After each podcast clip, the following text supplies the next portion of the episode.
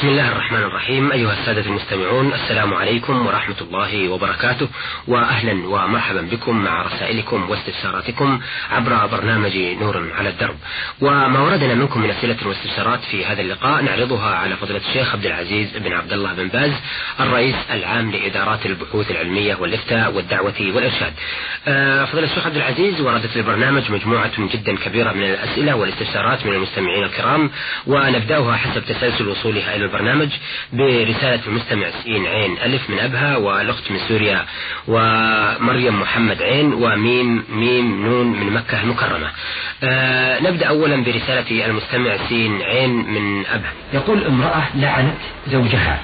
امرأة لعنت زوجها بسبب شجار بينهم وحيث أن هذه يوجد لديها نوع الحمق فهل تحرم على زوجها أم لا؟ بسم الله الرحمن الرحيم. الحمد لله. وصلى الله وسلم على رسول الله وعلى آله وأصحابه. أما بعد لا لعنها له لا لا يحرمها عليه ولعنه لها لا يحرمها عليه. أيضا نعم. إذا لعن أحدهما الآخر فقد أخطأ وأساء وظلم فعليه التوبة إلى الله سبحانه وتعالى واستسماح صاحبه. الزوج يستسمح زوجة إذا لعنها وهي بالعكس كذلك تستسمحه وتتوب إلى الله مما فعلت والزوجية باقية. لا يفسد النكاح بذلك اللعن لا يبطل النكاح ولا يفسده. ولا يكون طلاقا لها. سواء كان اللعن منه لها أو منها له إلا أنه منكر ولا يجوز وكبير من الكبائر. نعم. جاء في الحديث الصحيح أن النبي عليه الصلاة والسلام قال لعنه منك قتله قال ليس هو بالطعان ولا اللعان ولا الفاحش والبري فاللعن ليس من صفة المؤمنين بل هو منكر. فلا يجوز أن يقع من الزوج ولا من الزوجة. وإذا وقع من أحدهما وجب عليه يستسمح الآخر لأنه تعدى عليه وظلمه مع التوبة إلى الله سبحانه وتعالى. نعم.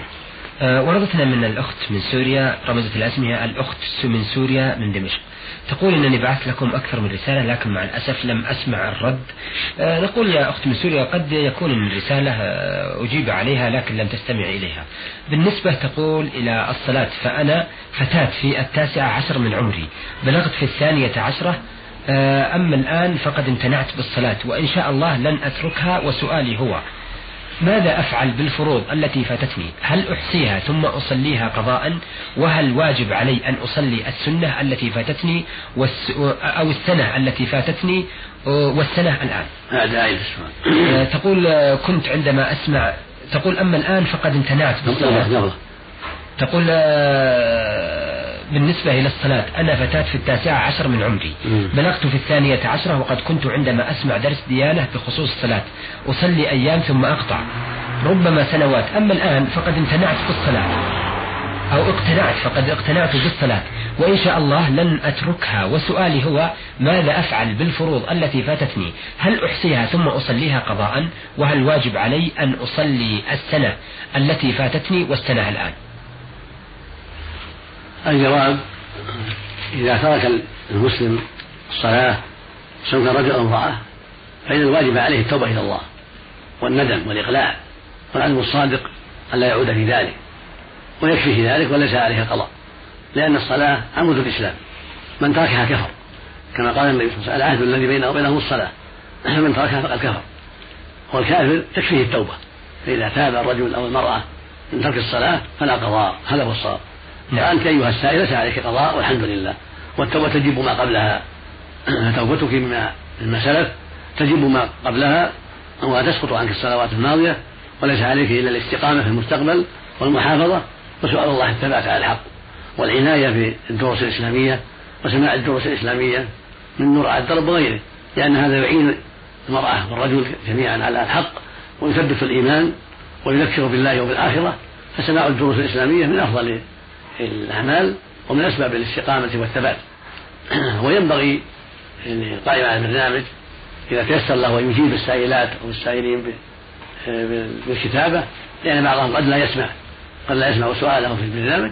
هذا طيب إذا تيسر أن يجاب السائل بما أجاب به المسؤول في رسالة على عنوان إذا كان العنوان واضح هذا حسن. وفيه جمع بين المصلحتين يذاع للمسلمين وينتفعون به ويجاب السائل كتابة على عنوانه حتى يستفيد لأنه ربما لم يوفق لسماعه في البرنامج هذا من باب ضم الخير إلى الخير ومن باب ضم الحسنة إلى الحسنة إذا أمكن ذلك. هذا غير ممكن لأن نخشى أن يتحول برنامج إلى مراسلات مع أنه برنامج متعب. نعم. متعب. آه سؤالها الآخر آه تقول فيه لقد قرأت حديث عن النبي صلى الله عليه وسلم بما معناه. أن تنزهوا من البول فإن أكثر عذاب القبر منه. ما معنى هذا؟ هذا حديث جيد. رواه الحاكم الصحيح وجماعة ولفظه استنزهوا من البول فإن عامة عذاب القبر منه. وفي لفظ من أكثر عذاب القبر من البول. فمعنى التحفظ. معناه التحفظ من البول والحذر منه. فإذا أراد الإنسان يبول يبول في محل لين أو في جحر من محل قضاء الحاجة لا يطير إليه الرشاش رشاش البول. فالمرأة والرجل كذلك عليهما جميعا أن يعتني بهذا الأمر. فيكون البول في محل لا يطشش على الإنسان وإذا أصابه شيء منه طشش على فخذه أو طشش على قدمه يصب عليه الماء ويغسله عن عن ما أصابه ما أصابه حتى يكون قد تحرز من البول. وإذا كان المحل لين في أرض لينة أو جعل وضع الفرج على نفس الجحر الذي يذهب فيه الماء حتى لا يقص عليه كفى ذلك. لكن بكل حال التنزه والتحرر طيب. فلو قدر أنه صادف, صادف البول حافة محل البول فطشش على فخذ أو على ساق أو قدم فإن المسلم والمسلمة عليهما أن يغسل ذلك. نعم. أه تقول في رسالتها الأخت من سوريا هل يجب علي أن أكون على مذهب معين؟ وهل أختار أنا هذا المذهب؟ أم أكون مثل والدي أو والدتي فوالدي حنبلي ووالدتي حنفية؟ ما, ما الذي نتبع منهما؟ ليس من اللازم التمذهب لا للرجل والمرأة ليس من اللازم يكون حنبليا أو مالكيا أو شافعيا أو حنفيا أو ظاهري لا وهو ليس لازما لا للرجل ولا المرأة ولكن على الجميع تحري الحق والنظر في الأدلة الشرعية فإذا كان لا يعرف ذلك لأنه عامي يسأل أهل العلم في بلده يسأل أهل العلم معروفين فيختار المعروفين بالصلاح والاستقامة والبعد عن الشر فيسألهم عن أمور دينه لأن الله يقول فاسألوا أهل الذكر إن كنتم لا تعلمون. فالجاهل يسأل أهل العلم وإذا أفاد أهل العلم عمل بذلك. وينبغي أن يسأل العالم عن الدليل من كلام الله من كلام رسوله صلى الله عليه وسلم حتى يستفيد أكثر. وإذا كان طالب علم أو كانت المرأة طالبة علم تنظر في الأدلة تطالع كتب العلماء في الصلاة في الزكاة في الصيام في المعاملات في أحكام الحيض في أحكام النفاس في غير ذلك. تطالع الكتب تنظر في الأدلة وما ظهر لها أنه هو قائم على الدليل تمسكت به وأخذت به. هذا هو الواجب على المسلمين نعم. نعم أه تقول أيضا هل صحيح بأن الصلاة التي ليس فيها خشوع تام لله عز وجل لا لا يقبلها منا أم لا؟ هذا على كل حال في خطر والمطلوب من المصلي أن يخشع في صلاته ويقبل عليها لأن الله قال قد أفلح المؤمنون الذين هم في صلاتهم خاشعون فالإقبال على الصلاة وخشوعها من أهم المهمات وهو روحها فينبغي العناية بالخشوع والطمأنينة في الصلاة في سجوده في ركوعه بين السجدتين. بعد الركوع حين يعتدل يخشع ويطمئن ولا يجد. سواء كان رجل أو امرأة جميعا. وإذا أخل بالخشوع على وجه يكون معه النقل للصلاة وعدم الطمأنينة تبطل الصلاة. أما إذا كان يطمئن فيها ولكن قد تعتري بعض الهواجيس بعض النسيان هذا لا يبطل الصلاة.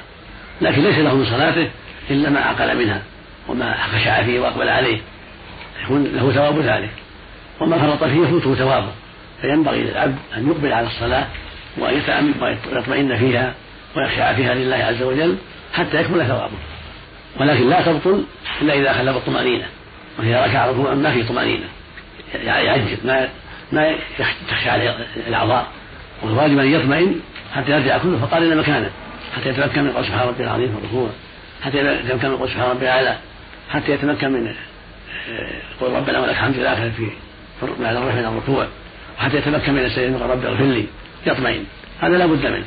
ولما رأى النبي صلى الله عليه وسلم رجلا لم يطمئن في صلاته بل ينقرها أمره أن يعين. وقال له صلي فإنك تصلي. نعم. والطمأنينة من أهم الخشوع. وهي خشوع واجب في الصلاة والركوع والسجود بين السجدتين وحال الاعتدال من الركوع. هذا يقال لها تسمى طمأنينة وتسمى خشوع. لا بد فيه لا بد من هذا من هذه الطمأنينة حتى يرجع كل فقار إلى مكانه اذا ركع اطمأن حتى ترجع العظام إلى محلها ولا يكون فقع إلى المكان. وإذا رفع اطمأن وهو واقف بعد الركوع وهكذا إذا سجد يطمئن حتى يرجع كل فقار إلى مكانه وهكذا بالسجد يطمئن ويهدأ ولا يعجل حتى يعود كل فقار إلى مكانه. نعم. آه سؤالها الأخير تقول فيه ووافقتها أيضا في هذا السؤال الأخت آه منيرة محمد عين. تقول في سؤال أو آه، تقولان في هذا السؤال هل صحيح آه، هل الحب والتفكير بشخص معين يحرمه الإسلام حتى إن كان لا يدري هو وهي لم تتزوج بعده؟ هذا سؤال الأخت من سوريا.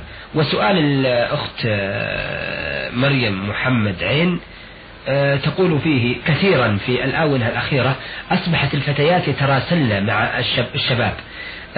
وذلك حب كما يقال حب عذري. ما موقف الإسلام والمسلمين من ذلك؟ وفقكم الله.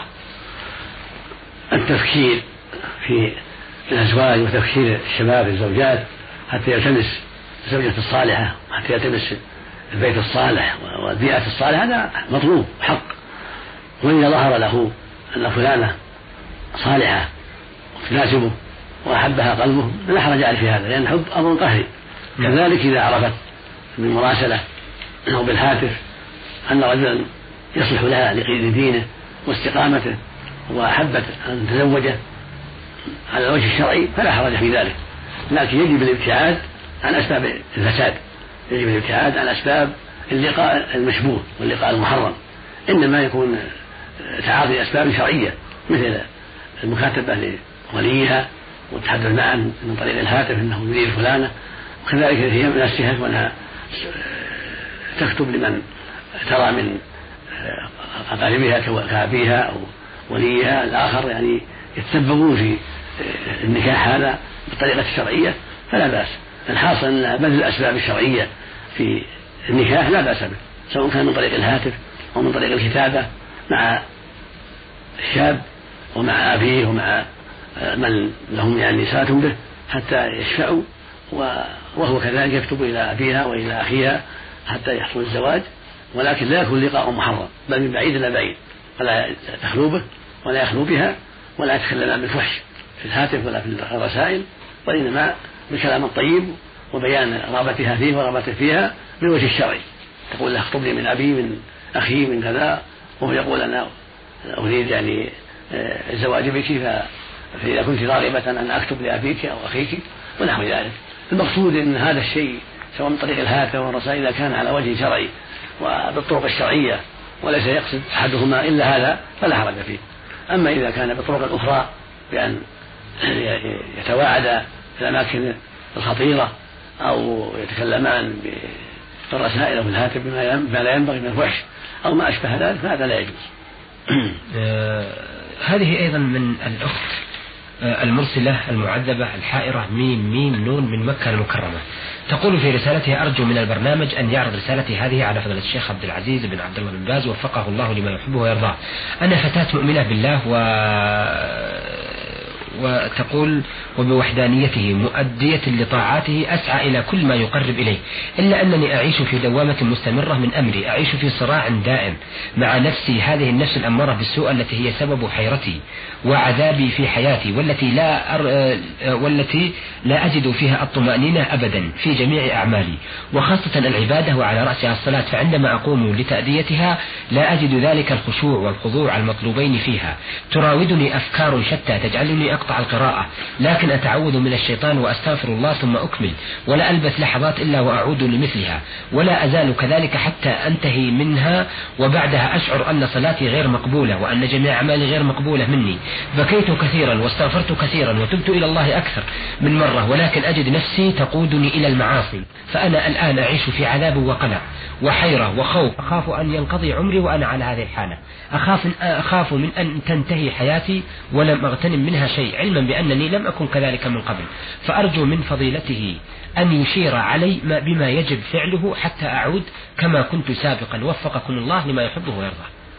أولا أسأل الله سبحانه للسائلة أن يوفقها لما في رضاه وأن يصلح قلبها وعملها وأن يرشدها إلى خير الأمور وأن يهبها ثباتا واستقامة وصلاحا ورشدا. وأن يدلها على الخير الذي به الطمأنينة وبه السعادة العاجلة والآجلة.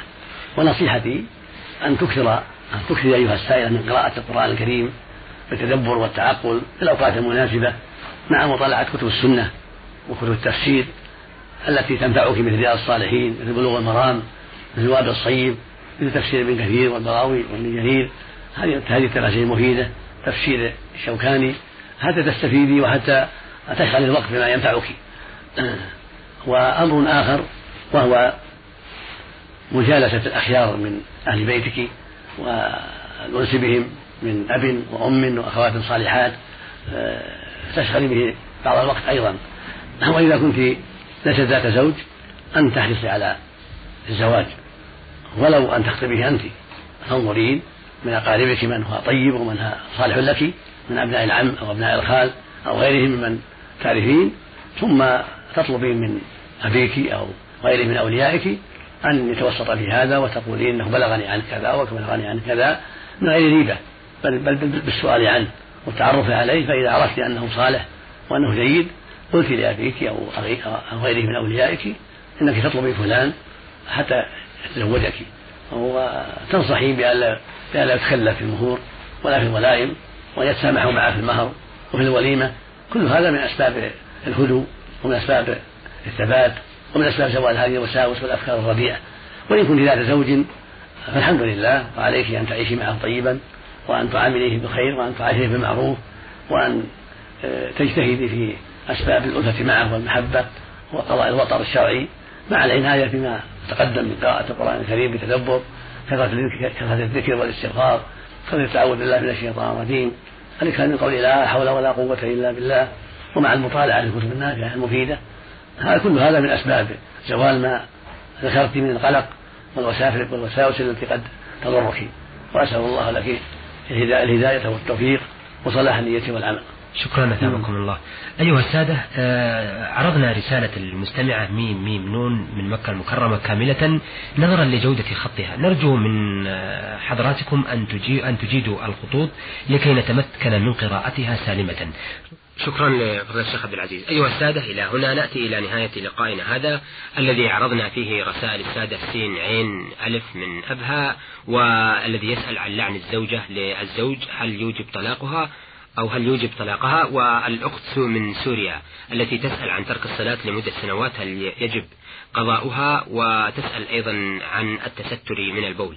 ومريم محمد علي وتسأل عن التفكير في الرجل والمراسلة أيضا. وأخيرا رسالة المستمع ميم ميم نون من مكة المكرمة. عرضنا هذه الرسائل وما ورد فيها من أسئلة واستفسارات على فضيلة الشيخ عبد العزيز بن عبد الله بن باز الرئيس العام لإدارات البحوث العلمية والإفتاء والدعوة والإرشاد. شكرا لفضيلة الشيخ وشكرا لكم أيها الأخوة وإلى أن نلتقي نستودعكم الله والسلام عليكم ورحمة الله مع تحيات مهندسي الإذاعة عبد الرحمن اليحيى والسلام عليكم ورحمة الله.